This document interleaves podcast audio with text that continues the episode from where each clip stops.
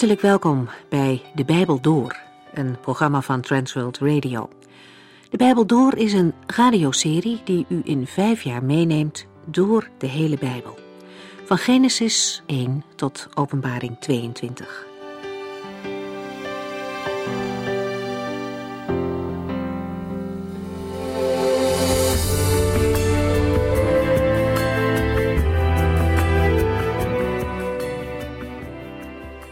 We lazen de vorige keer uit 2 Korintiërs hoofdstuk 6.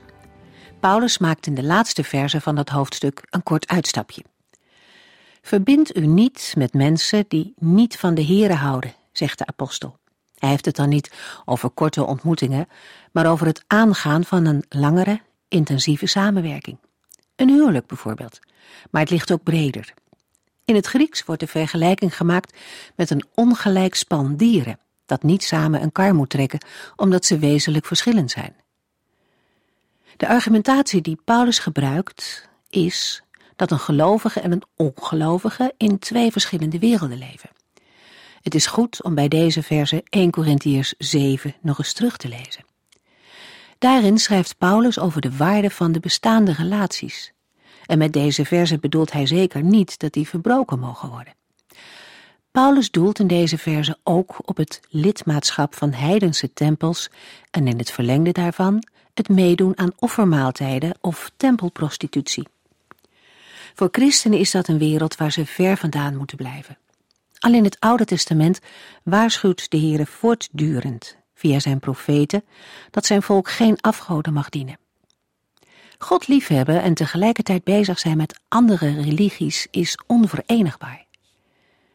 In deze tijd geldt dat net zo goed als in de tijd van de Bijbel. Er is geen eenheid tussen God en afgoden, ook niet een heel klein beetje. Licht en donker zijn wezenlijk verschillend. Gelovigen zijn een tempel van de Heere God, en om die reden kunnen zij niet betrokken zijn bij afgoden en alles wat daarmee verband houdt. Paulus noemt God hier de levende God. Dat benadrukt nog eens de tegenstelling met dode afgoden, beelden die niets kunnen. We lezen verder in 2 Korintiërs hoofdstuk 7.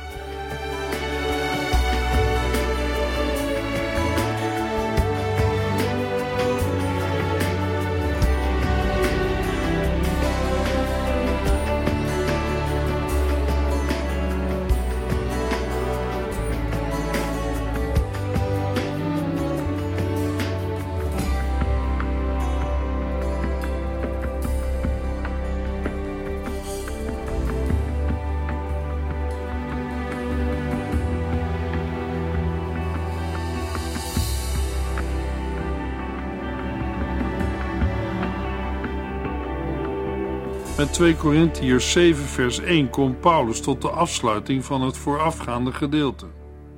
We kunnen vers 1 ook lezen als een conclusie van de voorgaande vermaning.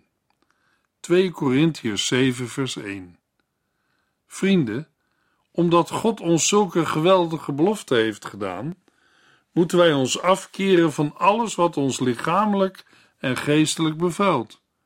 Wij moeten onszelf reinigen door ontzag voor God te hebben en ons volkomen aan Hem te geven. In 2 Korintiërs 6 heeft de apostel geschreven dat de Heere de gelovigen ziet, als zijn tempel, als zijn volk en als zijn kinderen. Een dergelijke hoge status roept op tot een bijpassende levenswandel. De Korintiërs en ook andere gelovigen moeten alle banden met het heidendom verbreken ze moeten zich afkeren van alles wat hen lichamelijk en geestelijk bevuilt. Voortdurend moeten zij zich inspannen om ook tot praktische levensheiliging te komen. Paulus heeft er in zijn brief aan de christenen in Rome ook over geschreven. Romeinen 6, vers 19. Vroeger hebt u uw lichaam gebruikt voor allerlei zonde en losbandigheid. En in Romeinen 6, vers 22 maar u bent nu verlost van de zonde en u staat in dienst van God. Ook in 1 Johannes 3 lezen we over levensheiliging. Ja, vrienden, wij zijn kinderen van God en kunnen ons er geen voorstelling van maken hoe het later zal zijn. Maar wij weten één ding: als Christus komt, zullen wij zijn zoals Hij, omdat we Hem dan zien zoals Hij werkelijk is. Ieder die dit gelooft, leidt een rein leven, omdat Christus rein is. Iedere gelovige moet ernst maken met persoonlijke levensheiliging. De bevuiling van het lichaam zijn de zonden die wij met en in ons lichaam doen. Die zonden hebben te maken met onheilige lusten, ongebreidelde begeerten, dronkenschap, gulzigheid, losbandigheid en andere zondige neigingen. Een concrete invulling van deze dingen vinden we in Habakkuk 2 vers 15. Wee hun die hun naaste te drinken geven en er gif bij mengen, die hen dronken voeren om hen naakt te kunnen zien. Een andere illustratie van bevuiling van het lichaam kunnen dingen zijn die je leest, ziet of hoort. Goddeloze en pornografische teksten, foto's en films bevuilen een mens en brengen tot dingen die de Heer heeft verboden. Dit verbieden heeft de Heer niet gedaan om mensen te beknotten of onder de duim te houden. Maar zoals de Heer het al tegen Israël zei, door de profeet Jeremia. Of wij het nu prettig vinden of niet, wij zullen de Heer onze God tot wie hij ons richten, gehoorzamen, want dan zal het goed met ons gaan. Over geestelijke bevuiling hebben we het ook in een vorige uitzending al gehad, maar er is veel meer te noemen. Er zijn veel mensen die nooit een pistool zullen pakken om iemand neer te schieten. Maar in gedachten hebben zij iemand al vele malen vermoord. Geestelijke bevuiling vinden we ook op het terrein van het bovennatuurlijke, paranormale en occulte. In 1 Samuel 15, vers 23 zegt Samuel tegen koning Saul: Want opstandigheid is net zo erg als toverij en koppigheid is net zo erg als aanbidden van afgodsbeelden. Paulus roept in 2 Korintiërs 7 gelovigen op om zich af te keren van alles wat ons lichamelijk en geestelijk bevuilt. Onder andere door ontzag voor God te hebben en ons volkomen aan Hem te geven. De schrijver aan de Hebreeën zegt in Hebreeën 12, vers 14: Probeer de vrede met uw medemensen te bewaren en leef als afgezonderd voor de Heer. Anders zult u hem nooit zien. Verderop in vers 16 lezen we: Let er ook op dat niemand van u betrokken raakt in seksuele zonden, of het heilige zo minacht als Esau, die als oudste zoon zijn rechten ruilde voor een bord eten.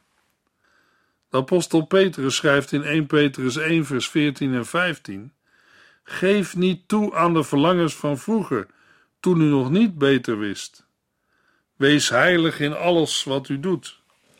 Want de Heere die u heeft geroepen om zijn kind te worden, is heilig.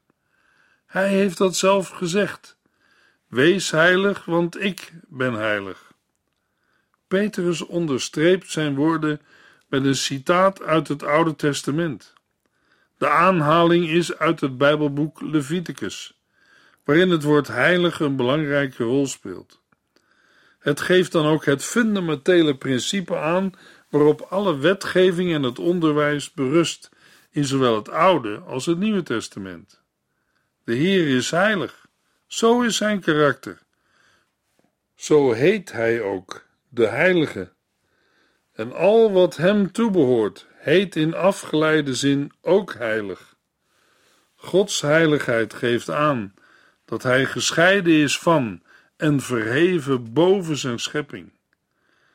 Dat betekent niet dat hij zich niet met zijn schepping bemoeit. Integendeel, zijn heiligheid is een kant van zijn nodigende en verzorgende liefde. Die liefde kan het niet verdragen dat zijn kinderen er andere goden of heren op nahouden. Heiligheid geeft aan dat God het kwade niet kan zien en tolereren. 2 Korintiërs 7, vers 2. En zet uw hart toch ook voor ons open, want wij hebben niemand van u slecht behandeld, uitgebuit of bedrogen.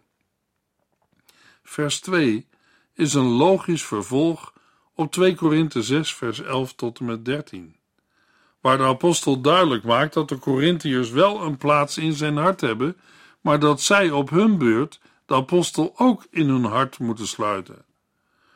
De oproep zet uw hart voor ons open houdt dan ook in. Maak plaats voor ons in jullie harten. Dat wil zeggen, beantwoord onze liefde met wederliefde. Er is geen reden waarom zij Paulus niet langer zouden moeten liefhebben. De woorden uitgebuit of bedrogen worden in 2 Corinthiërs 12 gebruikt in verband met financieel bedrog. Hoewel Paulus nooit geld van de Corinthiërs heeft aangenomen, kan het zijn dat sommigen hem nu beschuldigen van uitbuiting, omdat hij een grote inzameling voor de gemeente van Jeruzalem voorbereidt. Maar de apostel is boven iedere verdachtmaking verheven.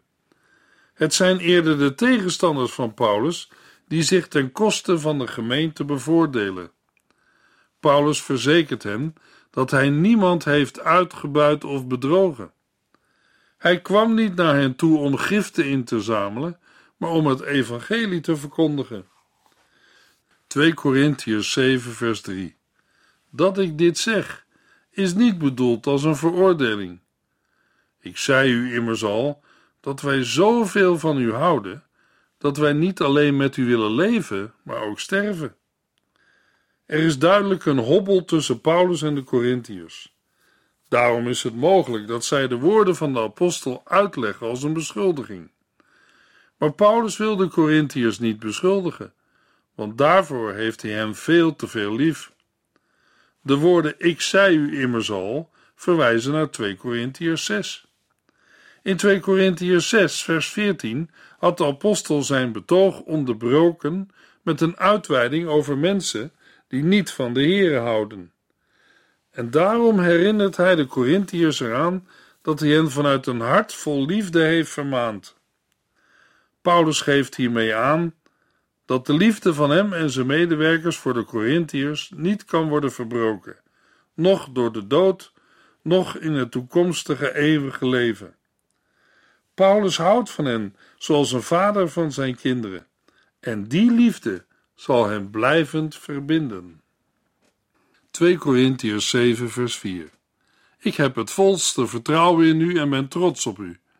U hebt mij bijzonder bemoedigd. Ondanks al mijn moeilijkheden hebt u mij blij gemaakt. Vers 4 vormt de overgang naar een nieuw gedeelte, waarin Paulus de Corinthiërs niet langer vermaant, maar zijn blijdschap onder woorden brengt over de bemoedigende berichten die Titus vanuit Korinthe heeft overgebracht. Dit nieuwe gedeelte sluit voor wat betreft tijd en volgorde aan bij de reisbeschrijving in 2 Corinthiërs 2 vers 13. In 2 Corinthiërs 2 schrijft de apostel dat hij al wel naar Macedonië is vertrokken, maar Titus nog niet heeft ontmoet. Uit de woorden van vers 4 blijkt ook dat de vertrouwensrelatie is hersteld. Paulus hoeft niet meer bang te zijn dat zijn woorden verkeerd worden opgevat.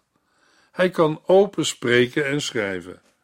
Uit de woorden: U hebt mij bijzonder bemoedigd en ondanks al mijn moeilijkheden hebt u mij blij gemaakt, blijkt dat aan de bezorgdheid van de apostel een einde is gekomen. De Corinthiërs hebben naar de apostel geluisterd en ernaar gehandeld. Uit vers 14 zal blijken dat de apostel vooral tegenover zijn medewerkers en andere gemeenten hoog had opgegeven van de gelovigen uit Korinthe. De Corinthiërs hebben orde op zaken gesteld en daarover is Paulus bijzonder blij en dankbaar. Deze bemoediging had Paulus ook wel nodig. Hij schrijft: Ondanks al mijn moeilijkheden hebt u mij blij gemaakt. Niet alleen in Azië was Paulus vervolgd, maar ook nu, tijdens zijn verblijf in Macedonië, is er sprake van verdrukking en strijd. 2 Korintiërs 7, vers 5 tot en met 7.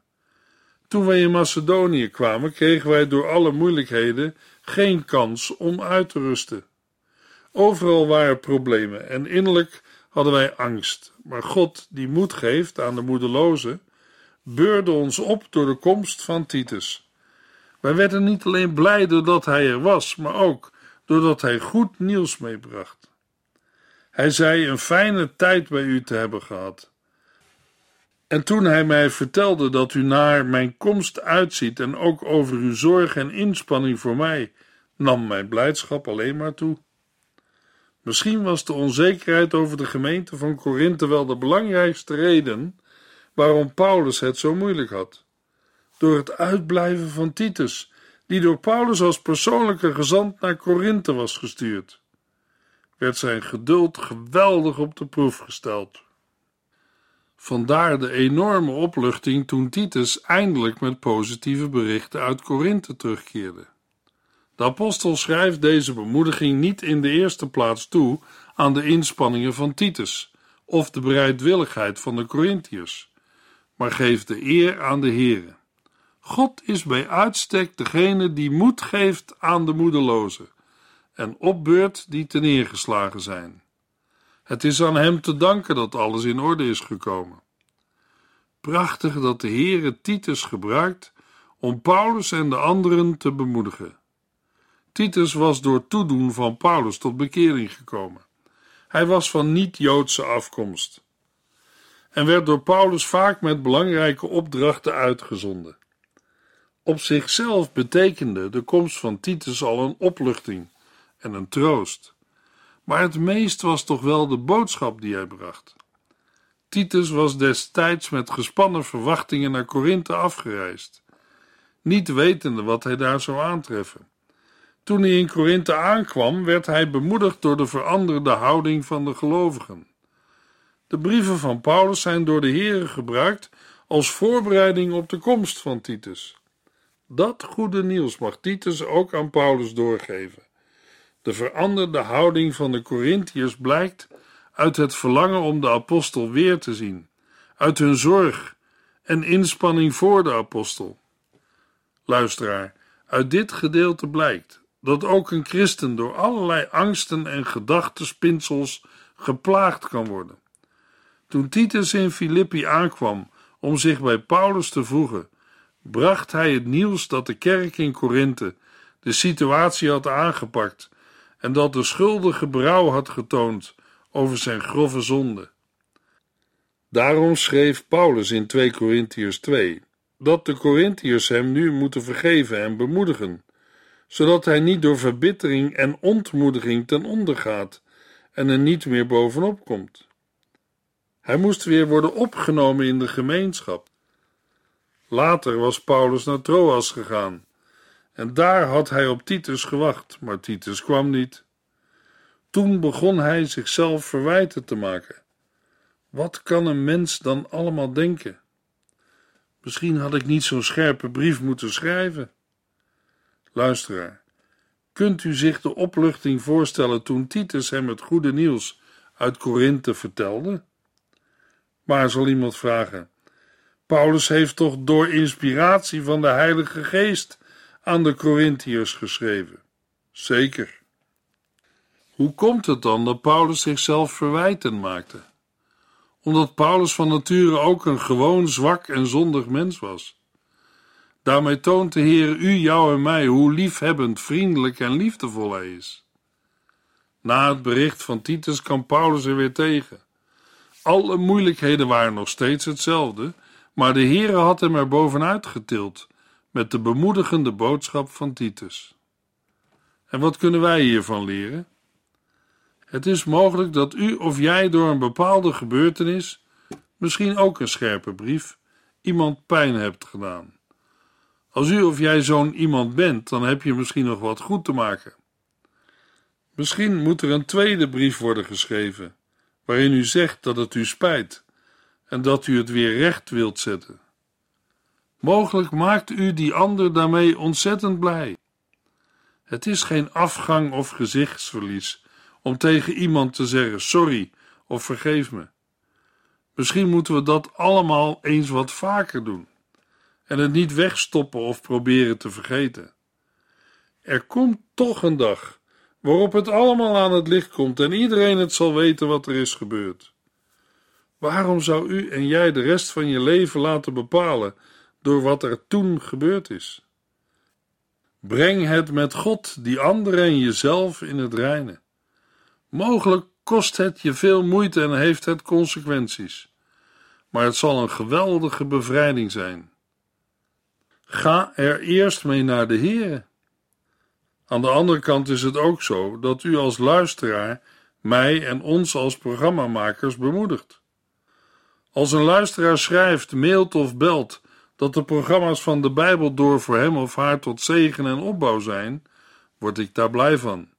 Dat bemoedigt om door te gaan. Dat geldt voor alle medewerkers van de Bijbel door. 2 Korintiërs 7 vers 8 en 9 Ik heb geen spijt dat ik u met mijn brief verdriet heb gedaan, al had ik dat eerst wel. Dat verdriet heeft gelukkig niet lang geduurd. Nu ben ik blij dat ik die brief heb gestuurd. Niet omdat ik u er verdriet mee heb gedaan, maar omdat u zich daardoor tot God hebt gewend. Het verdriet dat u voelde was zoals God het wilde. Daardoor hoef ik u straks niet nog eens pijn te doen. De blijdschap die Paulus heeft ontvangen is bewerkt door een pijnlijke brief die hij eerder aan de Corinthiërs heeft moeten schrijven. De bedoelde brief zal de in 2 Corinthiërs 2 vers 4 genoemde tranenbrief zijn geweest. Paulus schreef deze brief vanuit een diep verdriet. Hij was zich ervan bewust dat de brief ook bij de Corinthiërs hart kon aankomen. Toch moest hij de brief schrijven, omdat hij geen andere manier had om zijn liefde voor de Corinthiërs tot uitdrukking te brengen. De bewuste brief is niet bewaard gebleven. Paulus geeft toe dat er momenten zijn geweest waarop hij eraan heeft getwijfeld of deze manier van schrijven de juiste is geweest. De onzekerheid of de brief het juiste resultaat zou hebben, speelde hem daarbij parten. Die onzekerheid is door de berichten van Titus weggenomen. In vers 9 zegt de apostel: Ook al had ik er eerst spijt van, nu ben ik blij dat ik de brief heb gestuurd. Het verdriet heeft gelukkig niet lang geduurd. Paulus is blij dat hij de brief heeft geschreven, niet omdat hij er de Corinthiërs verdriet mee heeft gedaan, maar omdat zij zich daardoor tot de Here hebben gewend. Het verdriet dat u voelde was zoals God het wilde. Daardoor hoef ik u straks niet nog eens pijn te doen. 2 Corinthiërs 7 vers 10 Soms gebruikt God verdriet om een radicale ommekeer in ons leven te laten komen en ons te redden. Maar gewoon werelds verdriet leidt tot de dood. Het doel is bereikt. Het verdriet heeft geleid tot een radicale ommekeer en bekering. Het begrip ommekeer of bekering betekent letterlijk verandering van denken, berouw, en houdt in dat een mens zich van binnenuit afkeert van een verkeerde levenswijze. Het gevolg ervan is dat hij of zij terugkeert tot de juiste relatie met God. Net als in vers 6 geeft Paulus de eer aan de Here. Het is niet zijn overredingskunst die de Corinthiërs heeft overtuigd en tot verootmoediging heeft gebracht. Soms gebruikt God verdriet om een radicale ommekeer te laten komen en te redden. Hierbij gaat het niet om zinloze pijn die mensen elkaar met woorden kunnen aandoen, maar om een pijn die veroorzaakt wordt als God iemand de ogen opent en een mens zijn zonde ziet. Voortgaan op een weg van eigen wijsheid, eigenzinnigheid en zonde kan ook voor gelovigen de eeuwige dood tot gevolg hebben. Maar gewoon werelds verdriet leidt tot de dood. Ook buiten God om kunnen mensen op een pijnlijke manier met hun falen worden geconfronteerd. Los van God is er dan geen uitzicht op vergeving. Het gevoel van schaamte en gekwetste eigenwaarde leidt dan tot verharding of uitzichtloosheid en depressiviteit, en in het ergste geval zelfs tot de dood. Wat gebeurt er als iemand tot geloof komt? Dan is er een verandering van denken. Er is een zich keren tot God. Paulus schrijft in 1 Thessalonicense 1 vers 9: Wij hoeven het zelf niet meer te vertellen, want de mensen vertellen ons hoe u ons met open armen hebt ontvangen en dat u zich van de afgoden hebt afgekeerd om nu de levende en ware God te eren en te dienen. Toen de Thessalonicenzen tot geloof kwamen, was dat te zien en te merken. Zij keerden zich af van de afgoden en vereerden de Heer en dienden hem. Bij de gelovigen in Korinthe was deze ommekeer ook zichtbaar geworden. 2 Korintiërs 7, vers 11 tot en met 16. U ziet hoe dit verdriet, dat volgens Gods wil over u kwam, verandering heeft teweeggebracht. U kwam niet alleen tot een serieus inzicht, maar ook tot verontschuldiging en verontwaardiging over de situatie. U werd bang en verlangde naar een oplossing. U pakte het probleem aan en loste het op door de man te straffen die de zonde had begaan.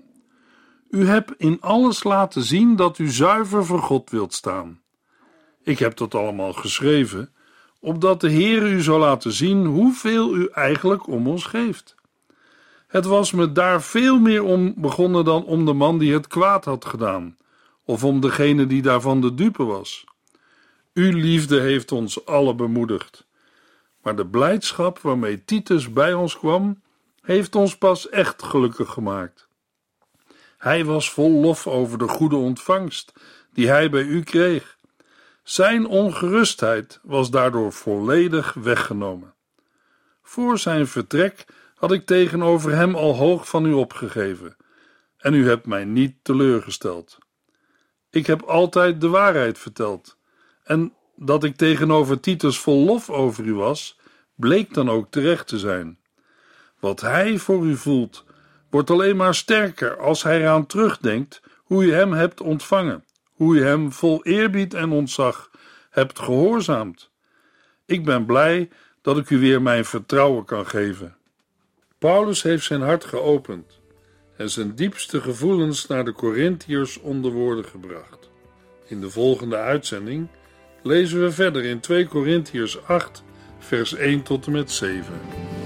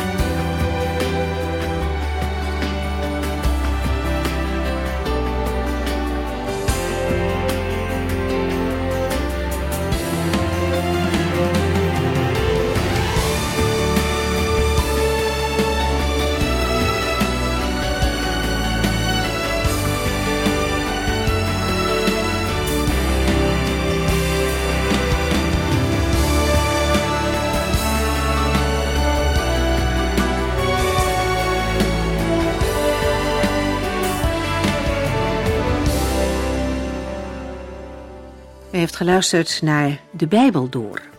In het Nederlands vertaald en bewerkt door Transworld Radio.